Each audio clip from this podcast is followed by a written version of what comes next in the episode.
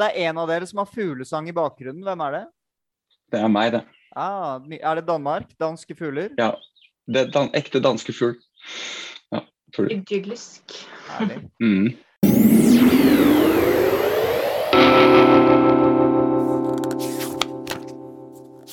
Kjære lytter, kjære medmenneske, kjære medborger og kjære bokvenn.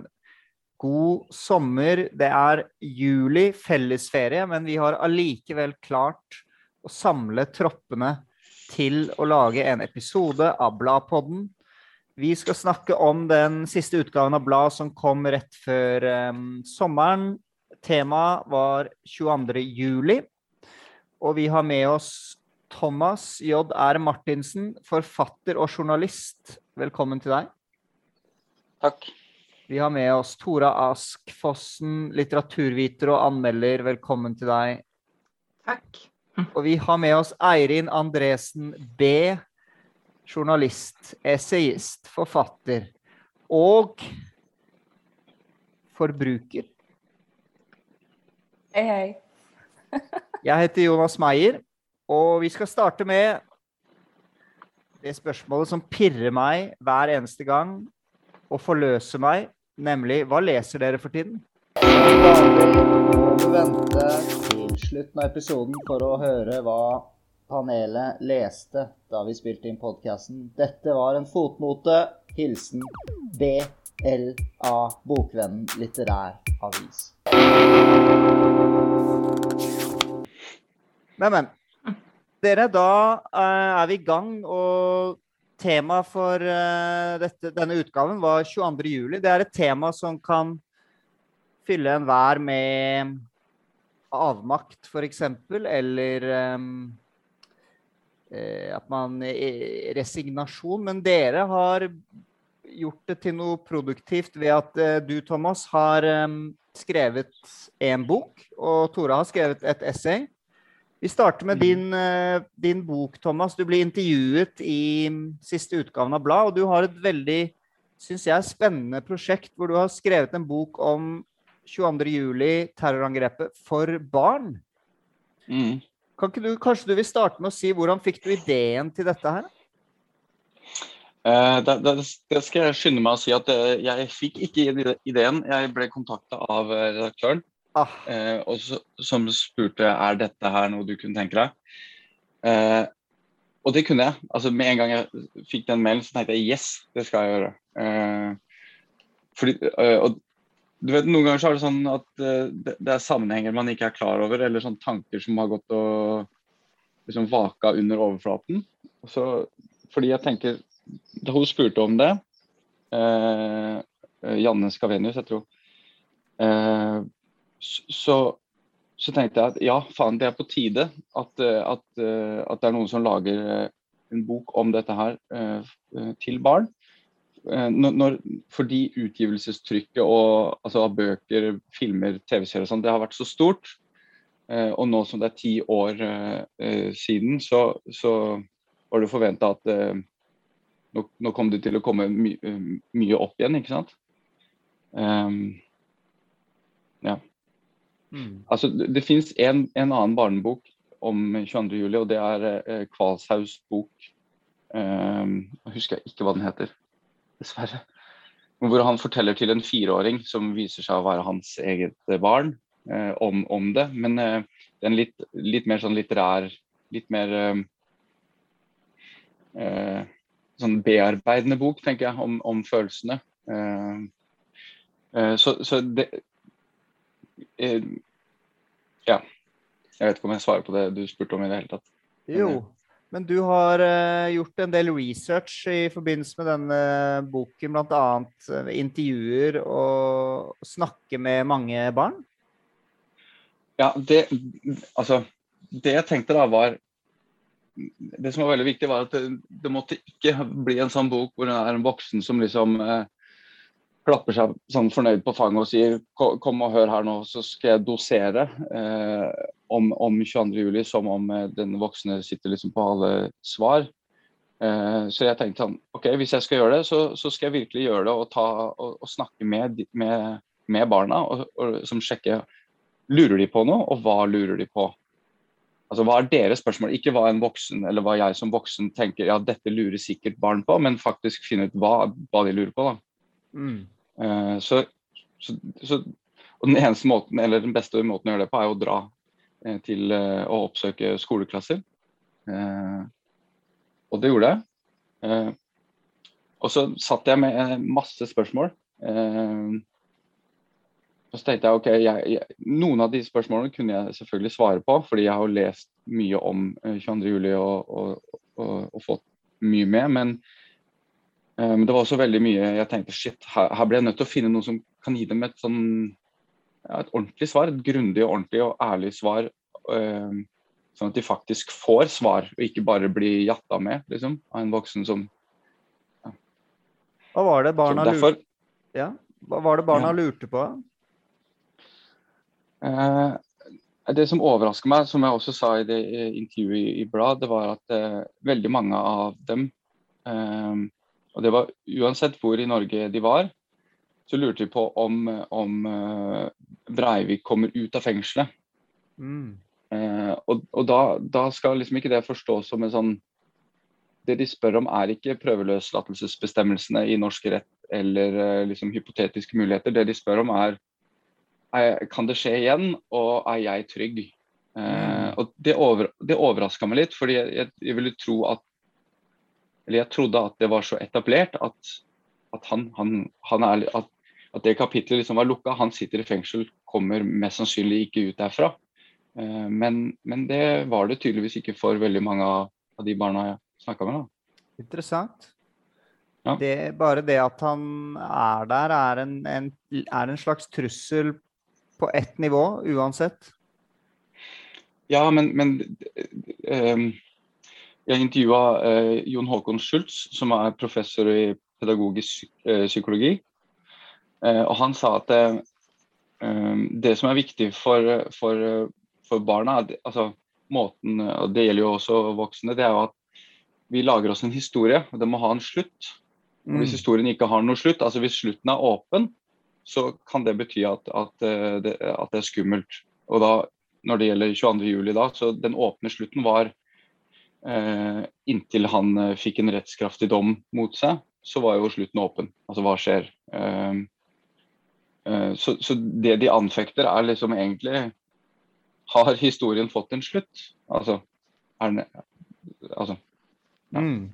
Det er jo interessant, for det, altså, jeg vil si at han har jo Det vil jo være en annen type dom som vil skje i etterkant. Han kan jo bare sitte inn i 21 år, ikke sant? og hva skjer etter det? Um, mm, for da må det jo være eh, vurderinger på vurderinger på vurderinger på vurderinger. Um, og det er jo som du sier, da. Det, den slutten, det vet de jo òg, for de vet jo at livstid i fengsel i Norge ikke er livstid. sant? Det er jo to, Mm. eh, det er jo to ulike konsept. Det er det, men, men så er det jo også sånn at eh, altså de, de som altså de som vurderes som, som eh, for farlig for seg selv og andre, eh, de, de, man kan jo, altså, de kom jo. Jo. egentlig ikke ut, ikke sant? Nei, men fengselsdommen hans vil jo slutte, ikke sant. Han vil bli institusjonert, Ja. altså satt inn på en annen form for institusjon, ikke sant. Så han vil, det vil være en endring i forvaring, da. Mm. Ja, det det- vil det. Mm. Tora, du hadde et eh, spørsmål? Ja, nei, jeg, jeg tenkte da vi snakket om det med å holde det åpent, eh, for det er jo jeg tenker at det er litt sånn dobbeltsidig, for på en måte Og det er litt det som egentlig Eller det er det jeg oppfatter av eh, intervjuet også. Eh, at, det, at det er en del av prosjektet, det der å holde 22. juli åpent i stedet for å lukke det. Eh, altså for, Mm. enten det er for barna eller for andre. Da. Eh, fordi idet man lukker det og på en måte bestemmer seg for at det, er en, at det finnes ett svar, eh, og, det, og det Mm. er det, så kan det være ødeleggende da, eh, for å bearbeide det sånn i en større sammenheng. på en måte. Eh, for jeg, eller, ja, beit merke i det du Hva- sier om uh, spørsmål, eller at um, ut, utvekslingen av spørsmål og svar, uh, at det, det er på en måte et svar i seg selv, uh, kan du si. Altså at man holder den, den utvekslingen Ja. gående. Mm. Men akkurat Altså- når det gjaldt fengselsstraffen, ønsket vel barna å lukke det? Ja, Det er klart. Jo, men, men, men det, det eh, Jo, det, vi snakker jo egentlig om to, to ting, da. Altså, det, det du sier nå, Tora, det er jo liksom det større bildet. Altså hele tematikken, hele, hele 22. juli-spørsmålet eh, eller samtalen. Mm. Altså Å sørge for at den ikke får noe sånn Nå lukker vi den her, sånn og sånn. Mm. Altså, men at vi insisterer på at uh, dette Altså, en måte å se det på er jo liksom hvis, hvis, et barn kommer til en voksen og, og, og har et spørsmål som, eh, som, det brenner inn med, og så får du svar, og så sier den voksne sånn, da har vi snakka ferdig om det, liksom. Eh, da kan jo barnet liksom uh, føle, føle, seg veldig avvist, fordi det er jo ikke sikkert å ha fått svar på alt du lurte på. Og hva om et halvt år hvis du lurer på noe mer? Så da er det bedre, eller sånn klokere, da, at den voksne viser barnet at dette er noe vi kan snakke om igjen og igjen. Altså Gir det mening, det Ja. Og så tenker jeg også at, men, men, det er veldig interessant, fordi det er på en måte, eller det blir, altså man må ta måte flere hensyn på en gang. Eh, fordi eh, for, Kanskje for enkeltindividet så ønsker man å lukke det. Forståelig nok. Mm. Eller man ønsker, man må, man, alle har jo et behov for å føle seg trygg. Sånn at man, man vil lukke det. Eh, men på et samfunnsnivå da, så kan det liksom slå negativt ut hvis man lukker det mm. tenker jeg. da, At man, ja, man er tjent med å holde det åpent eh, på samfunnsnivå, men, men, klart for barn, så, eller for det enkelte barn, så vil man også lukke det. Ja. Um, kunne jeg, ja, Thomas. Nei, nei, bare... altså, jeg, jeg, bare tenker, for, fordi I, i, i boka så, så intervjuer jeg eh, Christine, Lisbeth Kristine Røyneland, som er eh, moren til en som ble drept eh, på, på, Utøya Synne Røyneland. Eh, og hun, hun, sa, hun, hun, sa, at de, de, fikk jo snakke med psykologer og sånn et, etterpå, ikke sant. Eh, og, og, da var det en psykolog som hadde sagt til, eh, til eh, storesøstera til, til hun som ble drept, at for, for, forestill deg det som, som en Windows hvor du har ting oppe i vinduer. ikke sant? Så kan du legge vinduene der du, du kan flytte et vindu bak det andre, og så kan du ta det fram hvis du vil se på det. Uh, og det gir god mening, fordi uh, som hun uh, mora som jeg intervjua sa, at hjernen er en muskel. Hvis den hele tida jobber, og hvis den ikke får noen pause, så blir du jo gæren. ikke sant? Altså Du må kunne legge, legge noe vekk, og så ta det frem igjen. Altså så både holde det åpent og liksom lukke det innimellom, eh, kanskje. Altså. Mm. Jeg vet ikke om det Klokt ut. Jo, men det er jo en, en, en, en mekanisme for å um, for å deale med et traume. Det, altså det å kunne mm. Vi bruker ordet åpen og lukking her nå, men, men, igjen det å kunne mm. legge vekk noe for å kunne forstå eller kunne bearbeide den ene tingen. Det er som du sier, da. Du kan ikke 22.07 er jo i seg sjøl så uforståelig at du greier jo ikke å prosessere det. Så hvordan skal du greie å bruke Hvilke mekanismer skal du ta i bruk for å kunne um, en, formidle det, sånn som dere jobber med nå. Uh, men to, mm. bare hvis du er pårørende i en sånn situasjon, hvordan skal du prosessere et slikt traume? Det, det, lar seg egentlig ikke gjøre. Sant? Så det å finne metaforer og mekanismer um, er på en måte den eneste måten du altså, Og egne, for egne mekanismer er den eneste måten du kan deale med det på. For du som person du kan på en måte ikke bare logge av verden. Det lar seg, lar seg jo ikke gjøre. sant? Så. Og nå slo det meg at Det vi snakker om nå, har kanskje litt å gjøre med det som også kommer frem i, i intervjuet om eh, instinkt og læring. At det er en slags sånn um, kontrast mellom de to. Uh, for det, det står der i, i, starten hvor det står det der med at um, at barna kanskje mer enn å lære eh, trenger å få bekrefta det de instinktivt vet. Og Det synes jeg er mm. veldig interessant. Og, det, og, da tenker jeg at, ja, at det antagelig er visse kunnskaper da, måte, som man har instinktivt. Eh, og at for å, eh, for å oppnå eller å, å, å, føle seg trygg, eh, så, så, trenger man å få bekrefta den kunnskapen. Men så kan det være mm. mye å lære utover det. Og at det er kanskje mm. det man må holde åpent. da. Um, altså den lærdommen som ligger utover det rent mm. instinktive. Det tror jeg òg. Altså at det første liksom, nærmest er en forutsetning for å kunne gå videre til det andre. Liksom. Ja. Altså. Kan jeg få spørre, men um, en liten sak. Um, altså, du nevner i, um, i teksten at de har en viss ordbruk. At barna, når du har snakka med dem og intervjua dem, så bruker de, eller noen barn, da, har brukt Mm. visse ord som bl.a. headshotet. Um, Ja. Kunne du, ut, altså, kunne du snakka litt om det? Om ordbruken som uh, det- dukka opp i intervjuene? Ja, fordi altså eh,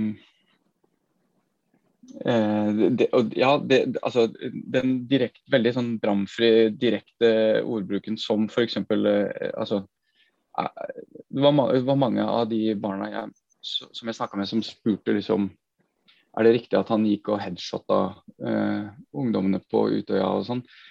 Eh, og, og, og, men altså så sit, De satt liksom i klasserommet ikke sant? Og, og, og liksom eh, holdt et sånn eh, imaginært gevær opp. og altså, Det var så tydelig og altså, det, var, det var virkelig ubehagelig å stå og høre det. Fordi det, fordi det finnes jo, et- det finnes jo et svar på det spørsmålet, ikke sant? og det svaret det er ja. Mm. Uh, men, men, men referanserammen deres når de spør om det, er kanskje mer liksom Fortnite og, og, og spill på liksom TV-spill og, og, og det er noe helt annet. Altså det er virkelig Det er jo helt uh, ufarlig, ikke sant. Uh, mens i virkeligheten så er det jo Altså, et headshot er jo et headshot, liksom. Det, da er det jo slutt. Ja, uh, så, Ja. mm, så, men, men, så, så det overrasker meg at de hadde det språket om det. Så tenkte jeg shit, det, så, det, det hørtes så voldsomt ut. Og så, og så tenkte jeg også sånn hvis altså, jeg, jeg tok det som et tegn på at dette har de kanskje ikke snakka så veldig mye med, med noen voksne om. Fordi, fordi jeg, vi snakker jo ikke sånn Vi ville jo aldri ha snakket sånn om, om det, ikke sant? fordi det føles ja, ubehag, ubehagelig eller uverdig eller ekkelt Mm. eller eh, altså hensynsløst, da. Mm. Ikke sant? Samtidig Ja. så, så er det også interessant at mye av referanserammen til eh, ABB var jo Mm. også en sånn spillverden, Ja. Uh, ikke sant? Og en ting jeg um, så jeg, jeg ble kjent med en, en fireåring som lånte mobilen iblant til foreldrene for å spille. Mm. Og et av spillene han hadde funnet fram til, het faktisk Headshot. Ja. Du, som gikk ut på å skyte sånne tyver i hodet. For da blir det ikke, da blir det ikke ufarlig, selv om, en skal, selv om det finnes veldig mye altså mange argumentasjoner for hvorfor spill Nå går vi jo beveger oss helt inn der, da, men hvorfor spill og dataspill og den type ting er Eller denne verden da er, skal ufarliggjøres. Um, for det gjør det jo, ikke sant. Altså den, de, de hevder jo det at isoleringa som veldig mange um, ungdommer Mange mener jo at ungdommer isolerer seg når de spiller, men motargumentasjonen er jo at de kommuniserer og lærer språk, f.eks. For eksempel fordi at de kommuniserer på tvers av landegrenser og har sitt eget samfunn der. Da. Så det er ikke så isolerende og, og asosialt som det skal være. Men det er når barn tar med seg den type ord inn i et klasserom og stiller spørsmål og bruker de ordene for å kunne forklare det de ønsker å få svar på. Og vi, vi vet at Anders Behring Breiviks referanseramme òg var blant annet, altså, ulike typer dataspill, så er, det jo, så er det jo egentlig ikke så ufarlig som en kanskje skal ha det til. Da. Det kan få konsekvenser. For hvem Men- spill... Nei, unnskyld. Ja, Martin, eh, Thomas. Ja, nei, jeg bare tenker, Når du sier det der, så tenker jeg sånn eh, Det jeg, det jeg tenker eh, eh, Nå sto det selvfølgelig stille fordi jeg avbrøt deg. Kan ikke du si det du skulle si, disse Jonas? Altså- Zoom-avbrytelsene er vanskelige, men eh, Ja. jeg, jeg skulle si at um, jeg vet ikke om jeg er så imot den ordbruken, fordi eh, den Selvfølgelig, det er noe De aner jo ikke hva det innebærer, og man kan ikke ta inn over seg den fulle alvoret i en sånn ting. Og jeg tror, altså det vi snakker om, den spill, den nummenheten som spillverden gir, den tror jeg er veldig interessant. Men det er jo også Mm. ord hentet fra, skulle jeg tro, militær, eh, militær terminologi som brukes i sikkert ute i felten. Så, så det er ikke ordbruken kanskje i seg selv, men den representerer et eller annet eh, her. Ja, Thomas? Ja, det, det, det jeg si, det, det jeg tenker når du, når du sier det der, eh, og, eh, det er at det, jeg syns det sier jeg, jeg, mener, jeg, reagerer ikke så veldig på ordbruken i seg selv, men det er mer det det sier om, om Når de snakker om 22.07, da, mm. så, så, så, så, kaster det et litt sånn eh, eh fiksjonens slør over eh, terrorangrepene. Ja. Eh, og det er der jeg tenker shit, her må vi gå inn og så må vi snakke med dem. og aller helst så burde alle norske skoleungdommer eh, dra til Utøya, syns jeg. da. Mm. Eh, for å se at dette her er det motsatte av fiksjon. Dette mm. var ikke fiktivt. Dette var ikke mm. eh, liksom en eller annen eh, altså, så, Sånn som i Fortnite, hvor det visstnok er en øy, så blir du sluppet ned, og så skal du jakte folk. ikke sant? Altså, dette her var ja, noe helt, helt reelt. da.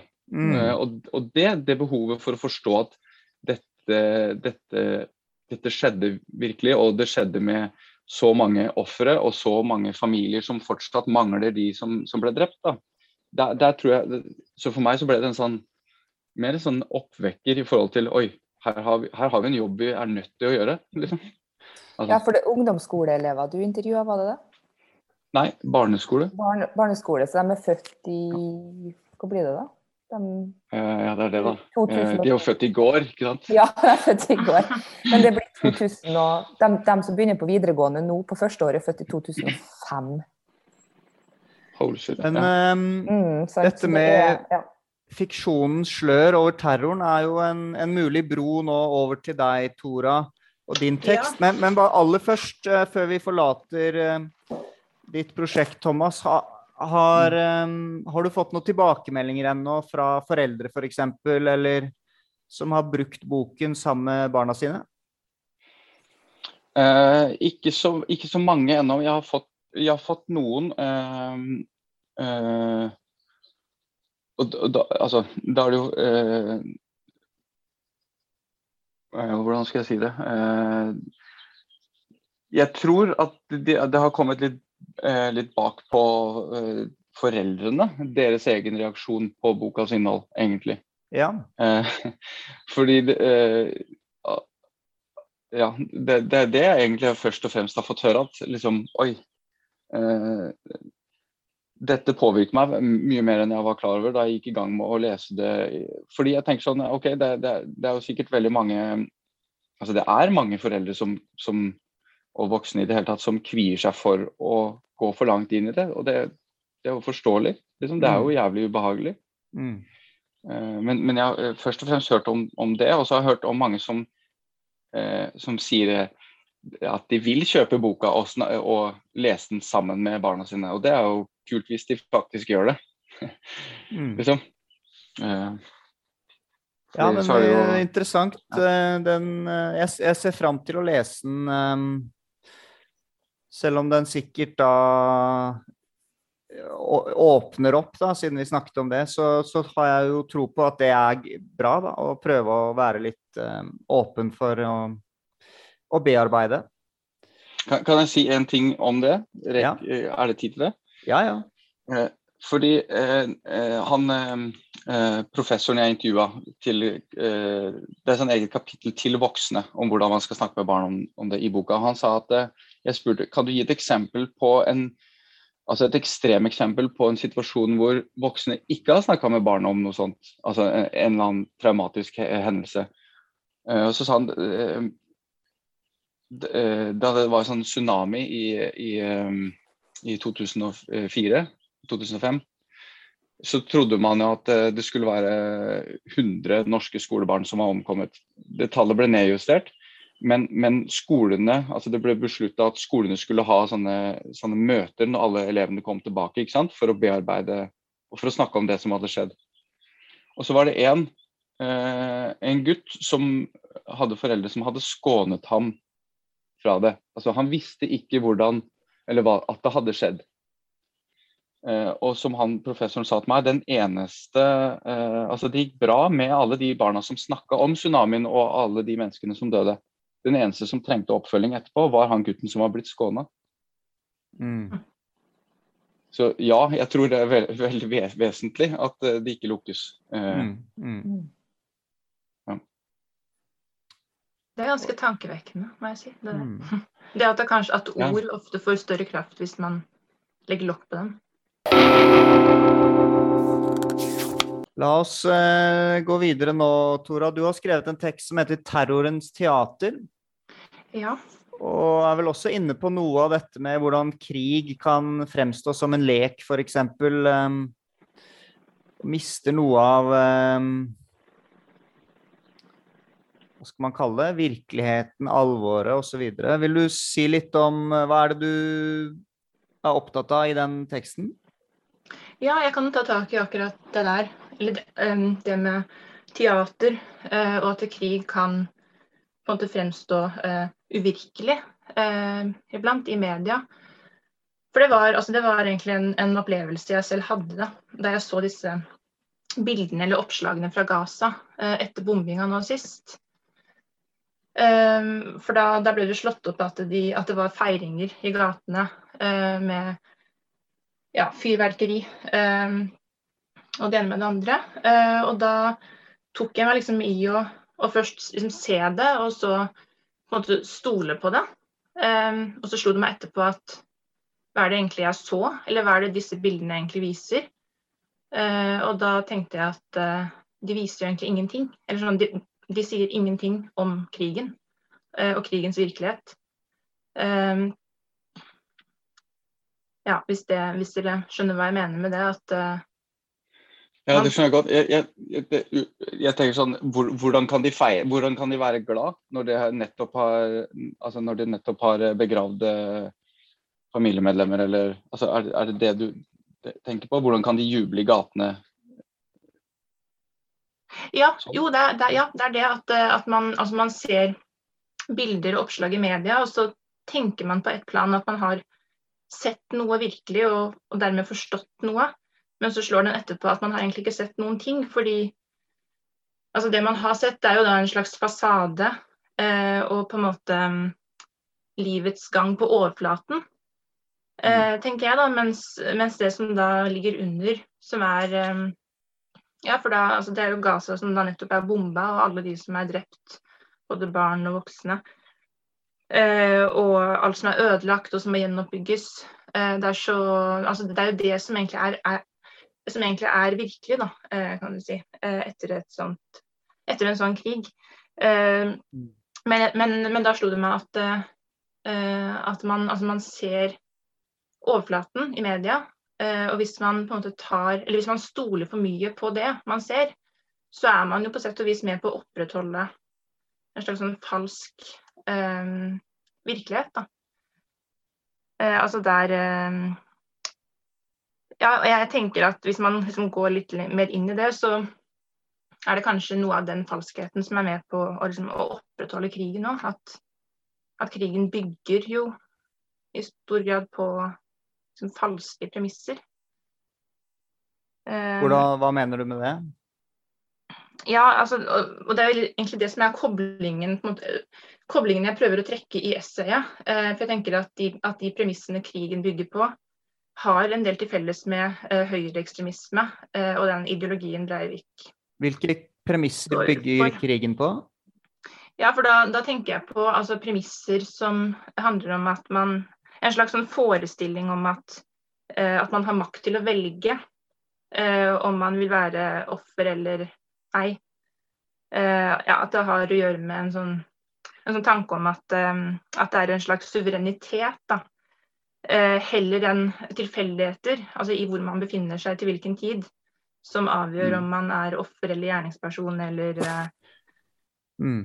Ja, det er jo det Simon Wei, som vi skal snakke mer om senere, ja. er, så, er, så, opptatt av da, i det hun skriver, og som jeg også siterer i essayet. Mm. Men, kan, men, men, du skriver også om ærlighet og det å være offer, og du mener at ofrene tvinges til å forfalske egen virkelighet? Ja, og det, var, det er jo da Da hadde jeg jo disse oppslagene fra Gaza i, i mente, da.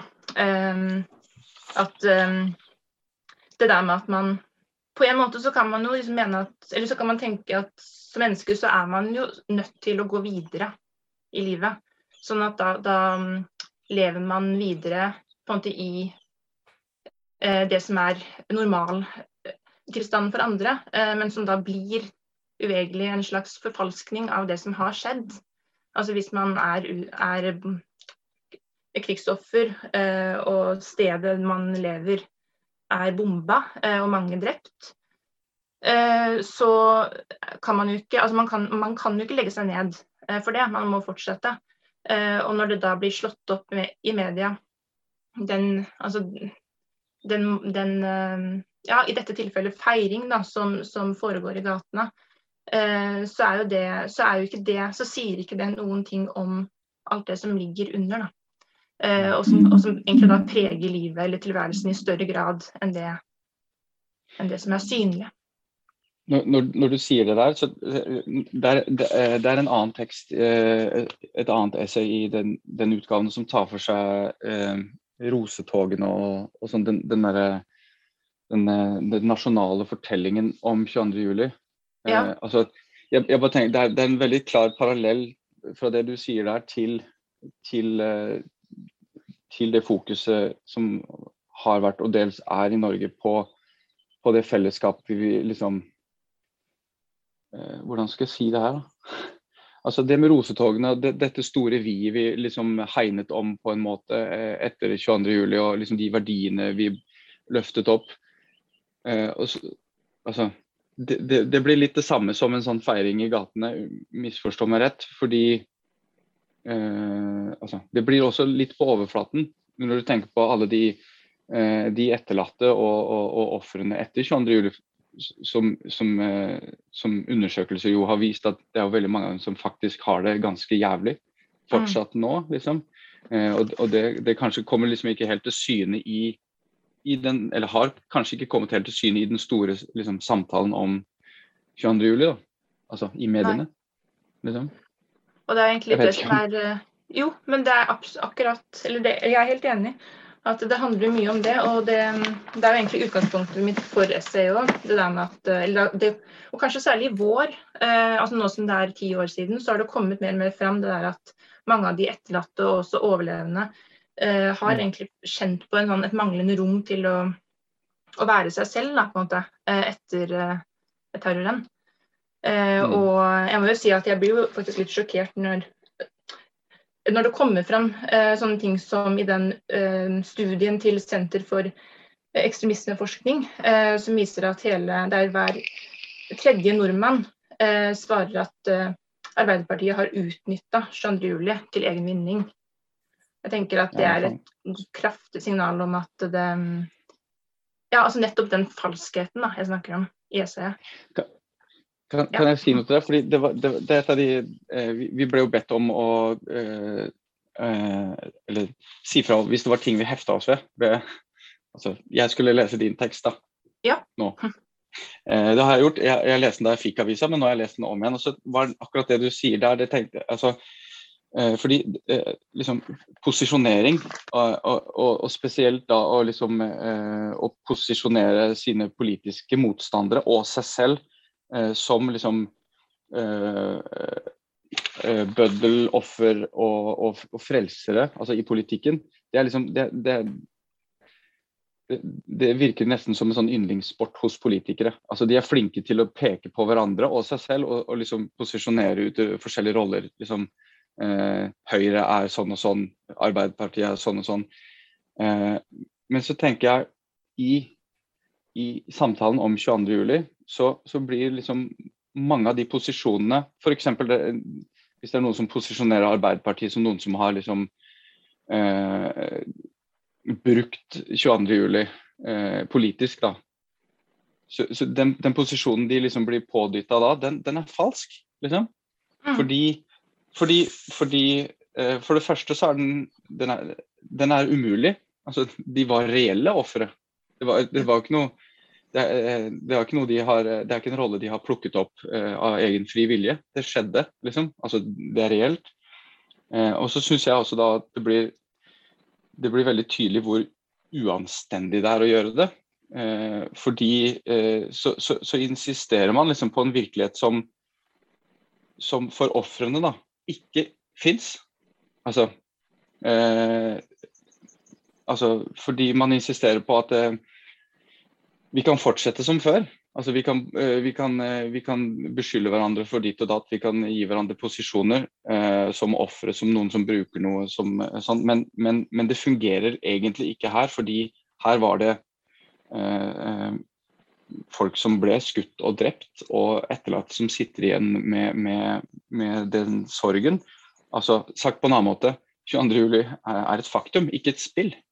Altså, eh, det, det, tenkte jeg at liksom jeg, jeg, er veldig enig med deg i at det, det, er sjokkerende å høre at eh, så, så mange tenker sånn. Da. De svarer mm. sånn.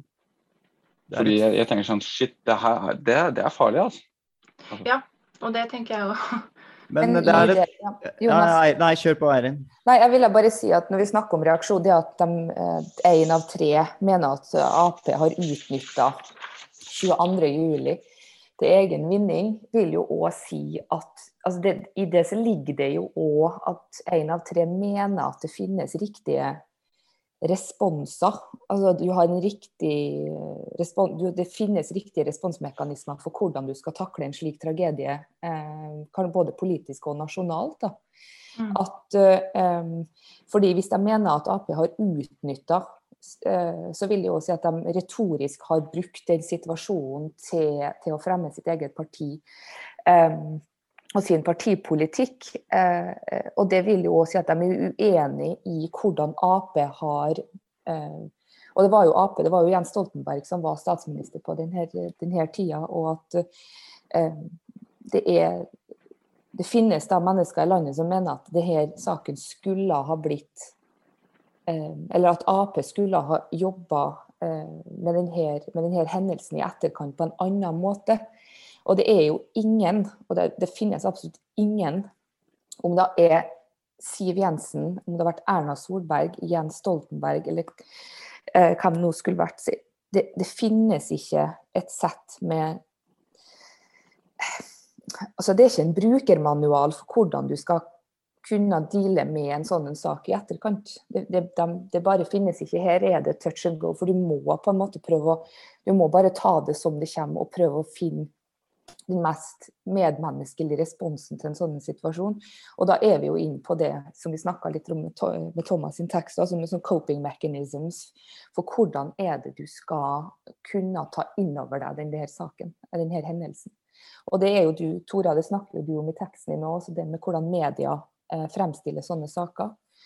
Og ja. um, det du egentlig òg er inn på, er er det som kalles for Nå kommer jeg ikke på det norske ordet for det, men i media da, så eh, eller lesere eller forbrukere av media opplever ofte det som kalles for fatigue, altså en form for utmattelse i møte med massemedia. Fordi at ikke bare har du nettaviser og papiraviser og eh, sosiale medier, men du har podkaster og du har radio osv. osv. Der det skapes ulike former for bilder og ulike former for inntrykk. Og eh, medias prinsipp er jo at alle sider skal få lov til å komme eh, til orde. Og i det så møter du på en sånn en mengde med informasjon at du må sile ut og Det er jo derfor vi jo har problemer med å, ta, eh, med å greie å, å behandle eh, bilder fra om det er 22.07, om det er Gaza, om det er to søstre som har mista livet i et lynnedslag på Sunnmøre, om det er um, om det er et boligkollaps i Miami, om det er en halshugd lærer i Frankrike. Vi har ikke For hvis du virkelig virkelig skulle ha satt deg ned og tenkt over det her, og mm. på en måte prosessert det, så må du teppe inn i en eller annen form for um, Eller altså du må prøve å sette deg inn i en, en ondskap jeg tror egentlig de fleste av oss um, ikke har verktøy til å kunne forstå. Ja. Og Det er jo derfor vi ja. siler ut. Siler ut. Og det er kanskje også derfor flere av dere blir så eh, sjokkert over at 30 eh, mm. ser på det som et spill. Fordi mm det handler også til en viss grad om, om innlevelse og ulike uttrykk for det menneskelige. Uh, og at mm. det Jeg, jeg syns ikke det er så overraskende uh, at mange mennesker kan ty til den type tankegang. Uh, jeg må innrømme at jeg Ja, det, det syns jeg det, det, var ikke overraskende for meg. Jeg syns det er ganske overraskende fordi at du møter en viss kynisme i noe som egentlig skal være altså, det bør være anerkjent at Ja. eh, 22. juli er en Nettopp. hendelse Men der er, ikke, det er nettopp der bør. kan ja, Det det bør. Men sant, man blir Man ønsker at verden skal være på ulike måter, men så er det en viss eh, eh, avstand mellom hvordan menneskepsykologien faktisk er, da. Jo, det er jo mange som i, etter slike hendelser går jo ut og sier at ja, men det her skulle vi ha sett. Ikke sant? Vi Ja. ha vi, Det er ikke overraskende at uh, 12, 11 eller 12 journalister i, fra Charlie Hebdo ble skutt, f.eks. Det er ikke overraskende at Samuel Paty ble halshugd. Det var forventa at en eller annen sånn en hendelse um, At det må skje på et eller annet tidspunkt. Altså 22. juli på et eller annet tidspunkt, om det ikke har vært 22. juli, har det ikke vært i Norge, så ville det her skjedd en annen plass fordi at de her strømningene ligger i samfunnet oss. Mm. Um, og den bør eller skal eller vi burde ha forventa. Jeg syns ikke vi burde ha forventa det, for jeg syns det er en ondskap på et nivå som ikke eh, kjenner sidestykket. Og det at folk sier at det her skulle vi ha sett, eller det her burde ha vært forventa, er Jeg vet ikke hvem som sier det, men, eh, men ondskap eh, Jeg vet ikke, er du Ja. Men er det igjen altså at vi burde ikke ha ondskap, eller er det at Nei, nå er vi, inne på, nå er vi langt inn i filosofien. Ja, men vi, vi, vi at, Det er å forveksle hva som burde være, og hva som faktisk Mm. er, som jeg er litt opptatt av her. da. Og, og prøve å forholde seg til realitetene. Det er Thomas og så Tora. Ja, jeg, jeg, bare, jeg, no, altså, eh, i, i, I essayet til Tora så, så, skriver du et sted, eller så skriver du at det er dette krig og terror handler om. Altså, Tolv av de barna som ble drept i luftangrepene, de gikk liksom og fikk undervisning av, av Flyktninghjelpen for å håndtere traumene de allerede var blitt påført. Eh, og så, og så fikk du, Da jeg leser det, så tenkte jeg jeg, jeg er helt enig med deg. Det, det er det krig og terror handler om. Det er det som faktisk skjer. ikke sant? Eh, eh, og så, no, noen ganger så får jeg følelsen av at det, det eksisterer liksom en sånn, eh, sånn stor misforståelse som, så, som sier at terror det er, det er et politisk virkemiddel. Eh, altså at, at det godt nok er ekstremt, men det er et politisk virkemiddel. Eh, og det er det jo egentlig ikke. Eh, terror er jo bare vold. Altså Det er fraværet av polit politikk. Altså Det er når, når, når, når politikken liksom ikke lenger fungerer. Eh, eh, altså det, det er vold mot uskyldige andre mennesker som man, som man tror altså som de som, altså Terroristen, da, f.eks. Tror de vet noe om. Fordi det, det var en ting jeg tenkte på. eh, Jeg, jeg intervjua en sånn rettspsykiater eh, som heter Kjersti Naru, og, og overlege. Um, og fordi det var, det var en, av, en av de barna, eller mange, flere av barna jeg snakket med, som, som spurte uh, hvordan, hvordan, eh, hvordan kunne han eh, Hvordan kunne altså Breivik ta livet av noen andre fordi de var uenige med han? Eller bare fordi de, han mente noe annet enn dem, liksom. Og så sa hun at eh, ja, men det, det visste han egentlig ikke. Han spurte ikke. Altså for, Forstår dere hva jeg mener? Altså, han trodde noe om dem. Han, Han, han, måtte jo han- det for å, for å klare å gjennomføre det. Måtte han jo ha ganske Jo, jo. fastlåste uh, Ja, ja. meninger. Han måtte på en måte ha en, han måtte ha en fiksjon da, om verden for å, Nemlig. For å klare i det hele tatt å gjennomføre noe sånt. Eh, så Ja, og- kunne han jo ikke realitere seg til virkeligheten.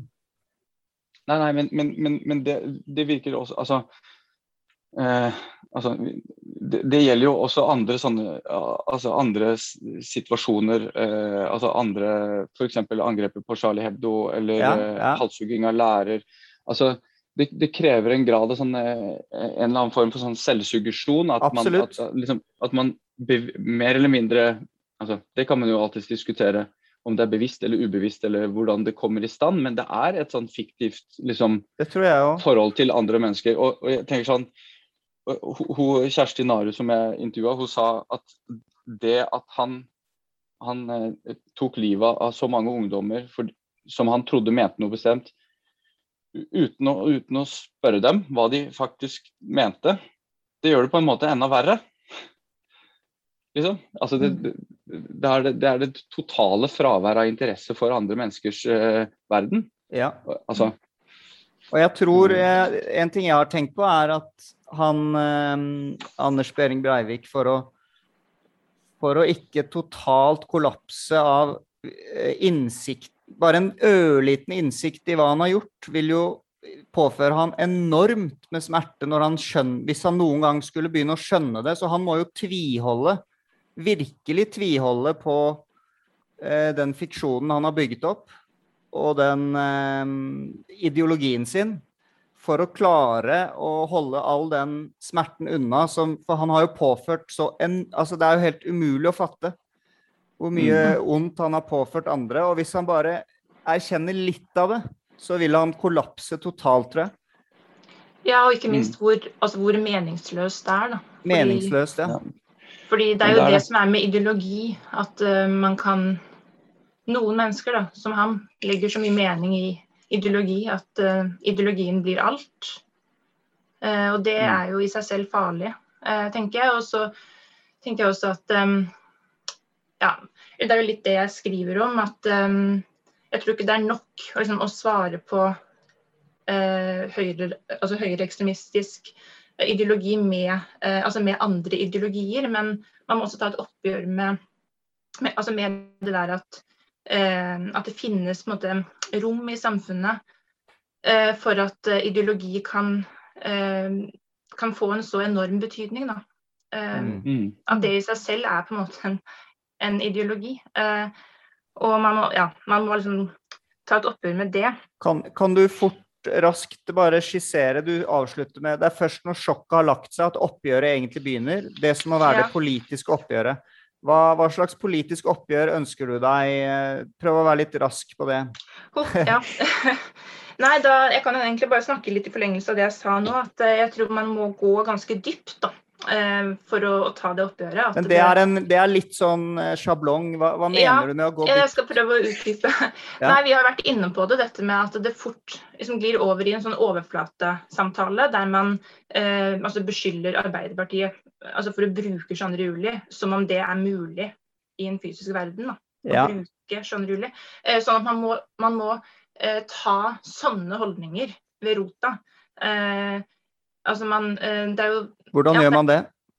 Nei, det tror jeg ikke jeg har gjort eh, på null komma niks. Men eh, at man må, man må ikke miste av syne liksom det nivået da, i debatten. Okay. Eh, sånn at det, fordi Hvis man gjør det, da, da tror jeg at det, at, det, at, det far, at det, er en fare for at, at debatten blir altså holder seg i, i overflaten.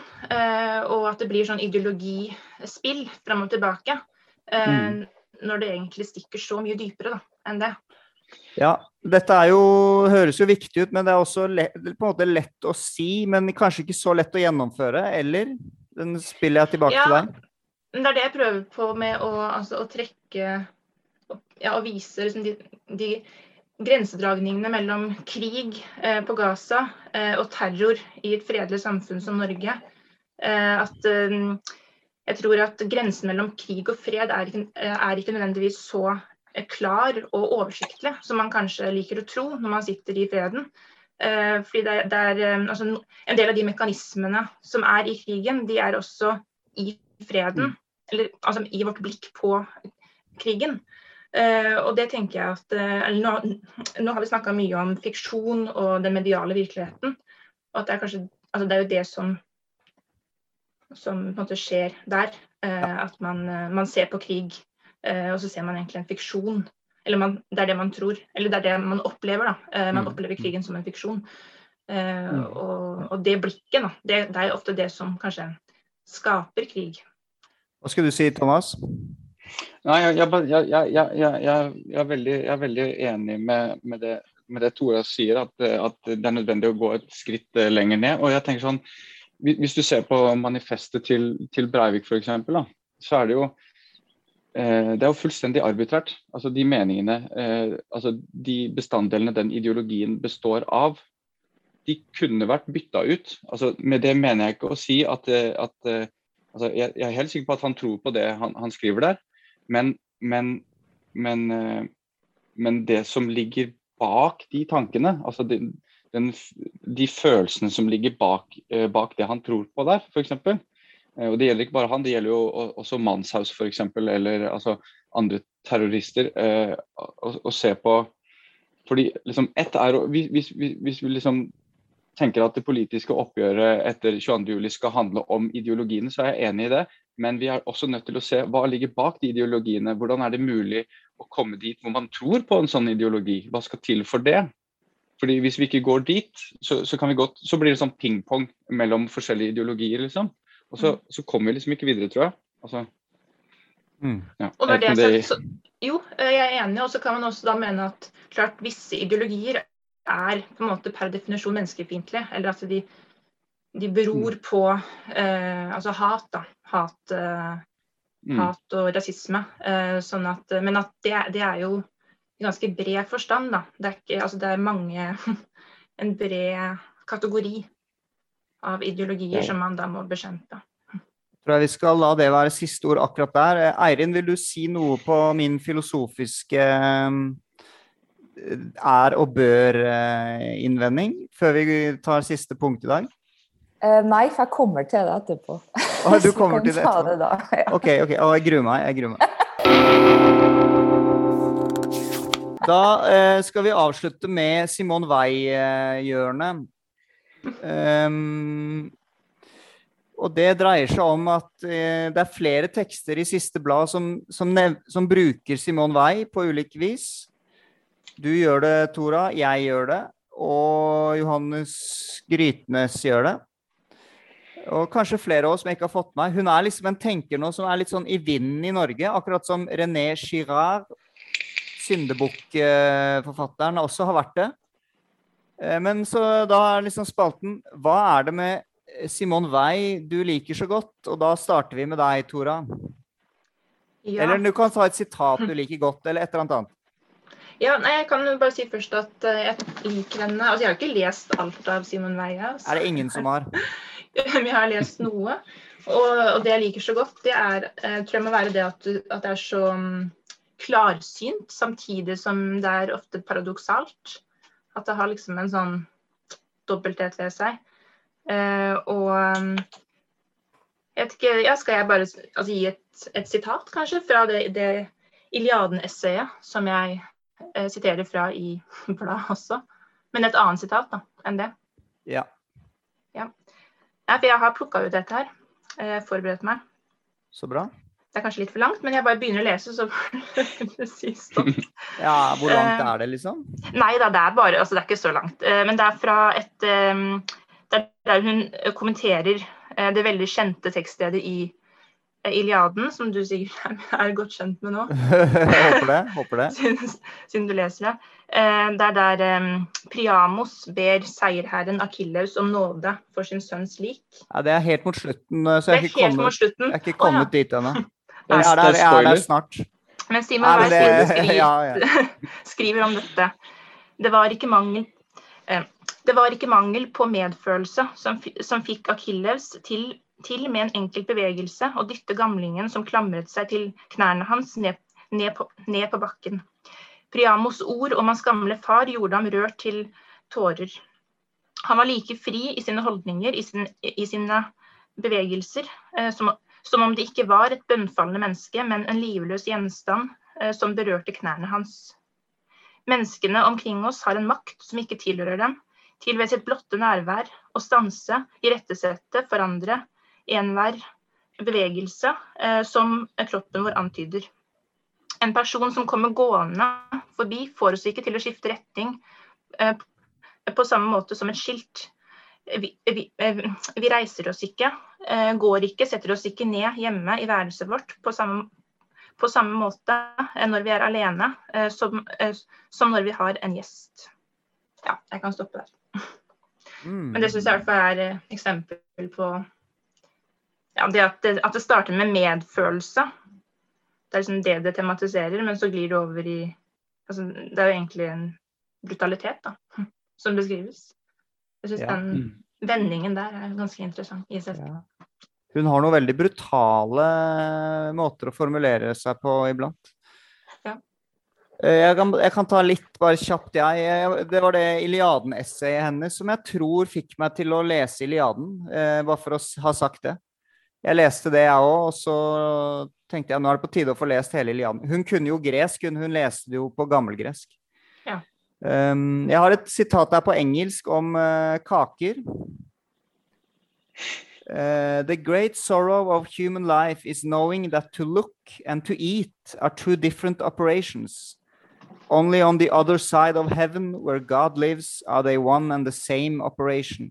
Children already experience this sorrow when they look at a cake for a long time and nearly regret eating it, but are powerless to help themselves. Um, jeg syns hun sier noe fint der om den liksom ah, forventningen, begjæret. Hun skriver mye om begjær, uh, men også lidelsen. Hun, det jeg liker med henne, hun har et veldig alvor. Men jeg har også mye å kritisere henne for. Men jeg mener at hun åndelig sett er litt på villspor. Uh, det har jeg lyst til å komme tilbake til kanskje en annen gang. Hva med dere, Eirin og Thomas? Og deres forhold til Simone Weil?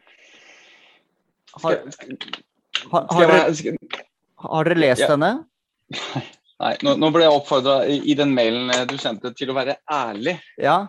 Nå skal jeg være ærlig. Jeg hadde ikke, ikke hørt navnet hennes før i går. Okay. Eller før jeg fikk den mailen. Å, fy søren. Det er, mo Ja, det, er så- modig, det er modig, Thomas. Eirin, jeg da? må så, det, men kan jeg bare si en ting? Ja. Ja. Ja, unnskyld. eh, Nei, Thomas, Eirin, fortsett. Fortsett.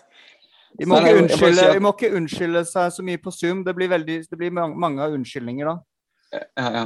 Eh, Men, men altså, for meg så, så, så er det jeg, jeg blir jo glad når jeg oppdager at det er noen jeg ikke har hørt om. Som, Ja. som, eh, som, som liksom Her fins det noe, eh, noe kult å oppleve. fordi så er det sånn OK, det er en lakune inni meg som kan fylles med noe bra. Det er kult. Herlig. Du, vet du hva, den støtter jeg veldig. Det å oppdage nye forfattere, det skjer hele tiden, og det er fantastisk. Ja. Det var godt sagt. Eirin, har du lest Simon Weil? Hvis jeg ikke tar helt feil, hadde ikke Kaja Skjerven Molerin en egen utgave Uh, det har ikke jeg fått med meg.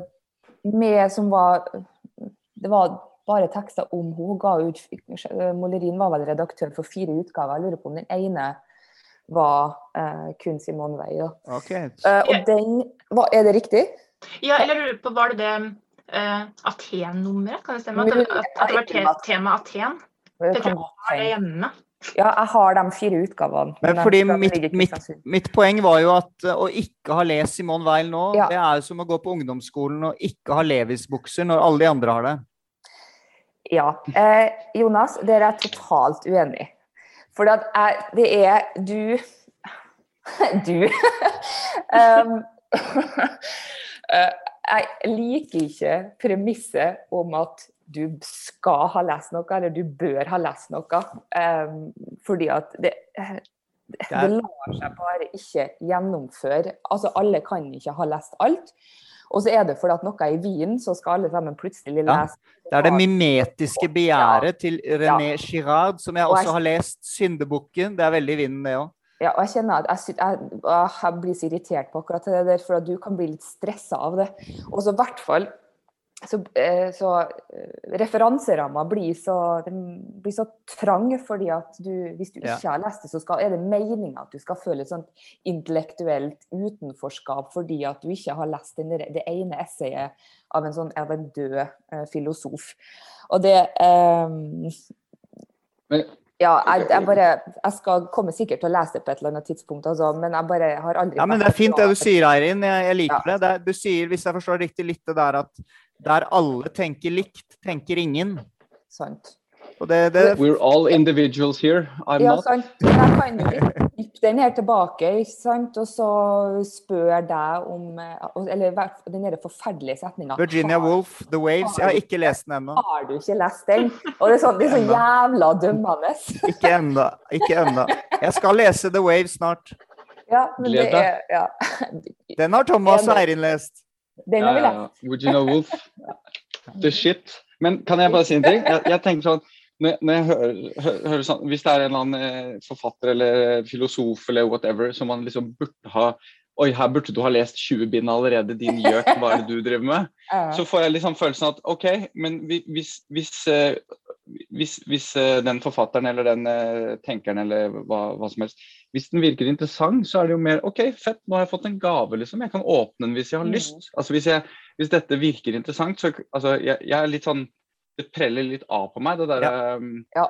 eh, Levis-presset. Men altså eh, det går an å gå i Henry Choice-buksa òg, liksom. Altså.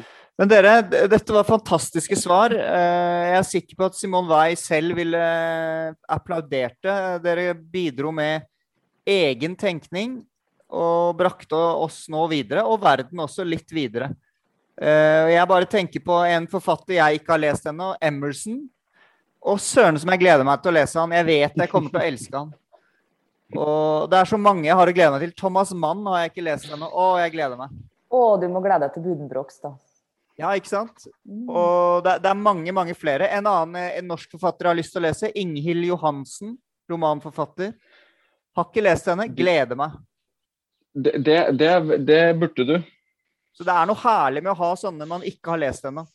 Selv om det er litt sånn loser og ikke har lest Simon Weil, så er det også herlig. Det er enda mer loser å ikke lese hun her. Å, der kommer to Inghild Johansen. Og det, det, det, det, det, er, det er faen meg noe å glede seg til, altså. Vi har virkelig komplementerer hverandre, Thomas. Alt jeg Ja. ikke har lest, har du lest. Er sånn bra. er det. Ja. OK, men uh, tusen takk for uh, praten. Og det er en av dere som har fuglesang i bakgrunnen. Hvem er det? Det er meg, det. Ah, er det Danmark? Danske fugler? Ja. Det er dan ekte danske fugl. Ja. Idyllisk. Herlig. Mm. OK, men dere har en strålende sommer videre, og mm, så um, Takk i like måte. Takker vi for um, episoden. Selv takk. Skulle, det var kult å være si, med. skulle du si noe om er og bør, Eirin? Jeg tror vi kan plukke det opp etter sommeren. Vi Kan la det ligge til, til august. okay. Er og bør i august. Okay, okay. Tar vi, nå tar vi ferie, tror jeg. Og vi skal starte med det spørsmålet som pirrer meg hver eneste gang og forløser meg, nemlig hva leser dere for tiden? Så kanskje Thomas har lyst til å starte?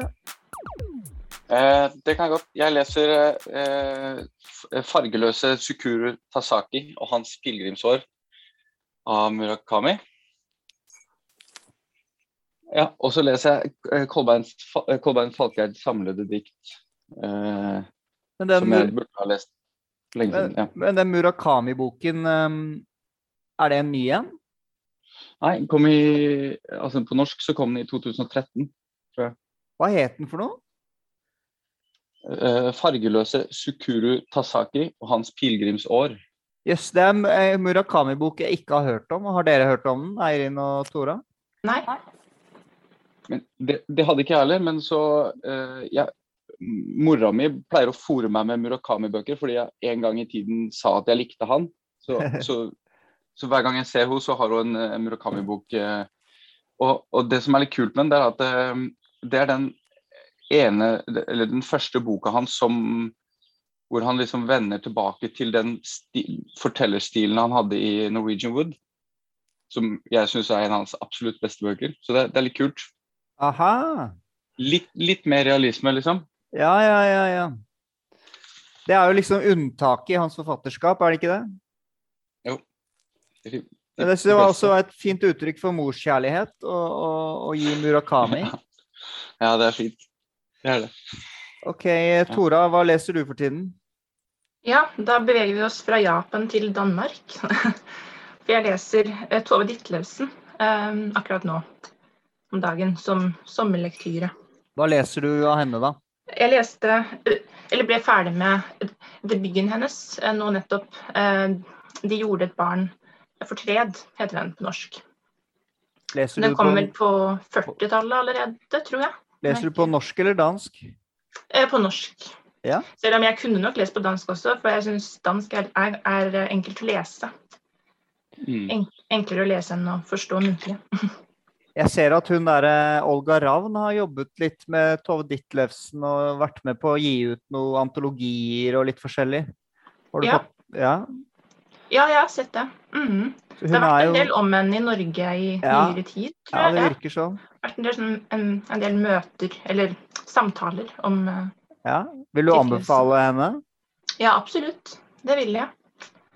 Klart den, eh, De gjorde et barn fortred er jo den, eh, den aller første boka hennes, så jeg vet ikke om den eh, på en måte holder eh, like høyt nivå som de senere. Men det var i hvert fall Ja, Nei, altså jeg vil anbefale den. Den også. Kan no, noen kan jeg kan, Unnskyld. Nei, gjestene først. Thomas. Ja, jeg har bare tenkt på en av de andre bøkene hennes eh, som er sinnssykt bra, som heter 'Gift'. Ja. Og, og det, har, det har sånn eh, det er en veldig veldig elegant dobbeltbetydning. fordi den handler jo om, selvfølgelig om et uh, ekteskap, men den handler også om en ekte ja, Dere kjenner jo sikkert boka godt, da, men uh, uh, den, den er i hvert fall veldig, veldig, veldig bra. Jeg kjenner Ja. ikke den boka, men den dobbeltbetydningen er fin. Den er, den er fin. Og den Jeg må bare nevne Amalie Skram sin debut 'Konstanse Ring'. Da ligger hun Nå, nå, nå avslører jeg litt av plottet, men hun ligger, jeg lurer på om hun ligger i sengen og vurderer å ta gift. Mm. Men så Nei, jeg tar heller å gifte meg med og så, For da, hun har en sånn mann. OK, da. OK, da. Så hun også de- leker litt med den. Ja. Men altså, i, i Tove Ditlevsens tilfelle så, så var det jo også egentlig en tredje betydning. Det var at uh, han ektemannen drev og forgifta henne. Eller gjorde henne Ja. narkoman, egentlig. Mor med morfin. For han var Ja. vel lege Oi. selv. Ja, Men var den tredje, men, men, hva er den tredje betydningen? Det er ekteskap, og så er det gift som morfin, og så er det Eh, Gift ekteskapet som i- gift. Ja, det er to betydninger. Ekteskap og morfin. Ja, og så er, Ja, det er det gift i litt videre forstand, kanskje, som Ja, en slags ja. forbannelse ja, Å ja, mulig. gift, i livet. gift som metafor. Ja, ja. Bastet og bundet. OK. Ja. Ja, ting. ja, ja. ja. Nå er jeg spent på hva Eirin eh, A. Betten eh, leser. Andresen Betten. um, Platform av uh, Michelle Ollebeck. Om um, altså Den første delen handler jo om uh, sexturisme i Thailand. Det er sånn en, en sånn byråkrat, han jobber i Kulturdepartementet i Paris, og så en 40 år og har ingen partnere og tjener gjennomsnittlig og er liksom verdens mest gjennomsnittlige type. Og så trenger han å ta seg en ferie, for pappaen hans dør. Så han går innom et reisebyrå, for han er veldig fascinert over hvordan reisebyrå formidler ferie og formidler glede. Og så velger han en tur til Thailand, og det driver han og frekventerer alle de her eh, ulike um, sexbarene i Thailand i ulike, uh, i ulike byer. Eh, og så treffer han ei dame, og så drar de tilbake til Paris. Det er vel så langt jeg kommer. Men jeg syns turisme som konsept er veldig interessant, så jeg synes den boka jeg synes Det er ikke en av hans beste, men, men sånn te, tematisk uh, veldig interessant. Herlig. Hva er, hva er hans beste, da? Av dem jeg har lest, liker jeg 'Kart og terrenget'. Mm. Ja, enig. Ja. Det er Mm. Ja, den er virkelig bra. Uh, men Ja. jeg har ikke lest de to siste, da, eller 'Serotonin' og, og um, 'Underkastelse'. Så de står på lista. Ja. Har du lest Lanzarote? Ja, det har jeg. Det er også sånn reisebyrå og sånn. Det er fantastisk. Ja, i han er, han er god på det. Hva skulle du si, Thomas? Nei, Jeg skulle bare si at eh, eh, jeg skulle nevne eh, Lanzarote, men også si at serotonin minner litt i, i, i tone om eh, kart og terrenget. Altså, Ja. den, er, den er også veldig bra. Ja, så det, den ligger, ligger på lista over ting som blir lest. Er det sånn at du har sagt dette til moren din, så hun fòrer deg med Michelle Holloway? Eh, det kunne jeg godt finne på, men eh, først skal liksom Murakamis eh, forfatterskap uttømmes, og det tar litt tid. Ja, ja, ja. ja. Ja, heldigvis. Han er produktiv. OK, jeg skal kort si hva jeg leser. Um, Jeg, er enda ikke ferdig med Iliaden, det er litt flaut, men jeg nærmer meg slutten. Iliaden, jøss. Iliaden. Ja, altså det er flaut fordi Er den Den er dritfet. Mm. Eh, for å si det rett ut. Du jeg, leser leser, hele fra A til Å? jeg leser Peder Ja. Østbys oversettelse. Ja, fordi dette har jeg snakket om i flere episoder. om. Dette er jo en sånn særlig litteraturvitere liksom føler at de kan, fordi de har lest tre kapitler til eksamen. Men eh, den er verdt å lese, og det er, det er en forbløffende bok. Og den er helt annerledes enn man tror. Eh, Akillevs, eksempel, eh, han eh, dukker opp i starten, og så er han borte i ca. to tredjedeler av boken før han kommer tilbake. Så bare for å ta ett eksempel. Men jeg gleder meg også til å kaste meg over alle de moderne bøkene som bruker Iliaden som materiale. Men den jeg hadde lyst til å nevne i dag, var William Blake. Poeten som også var maler. Og jeg har lest Først leste jeg en som het America. Helt ville malerier, og det er en vill fortelling. Det er, det er noe helt Jeg har aldri lest noe lignende. Så jeg koser meg med å prøve å sette meg litt inn i William Blake denne sommeren. Her ser dere eksempel på maleriene hans. Det er nesten som å lese en tegneserie.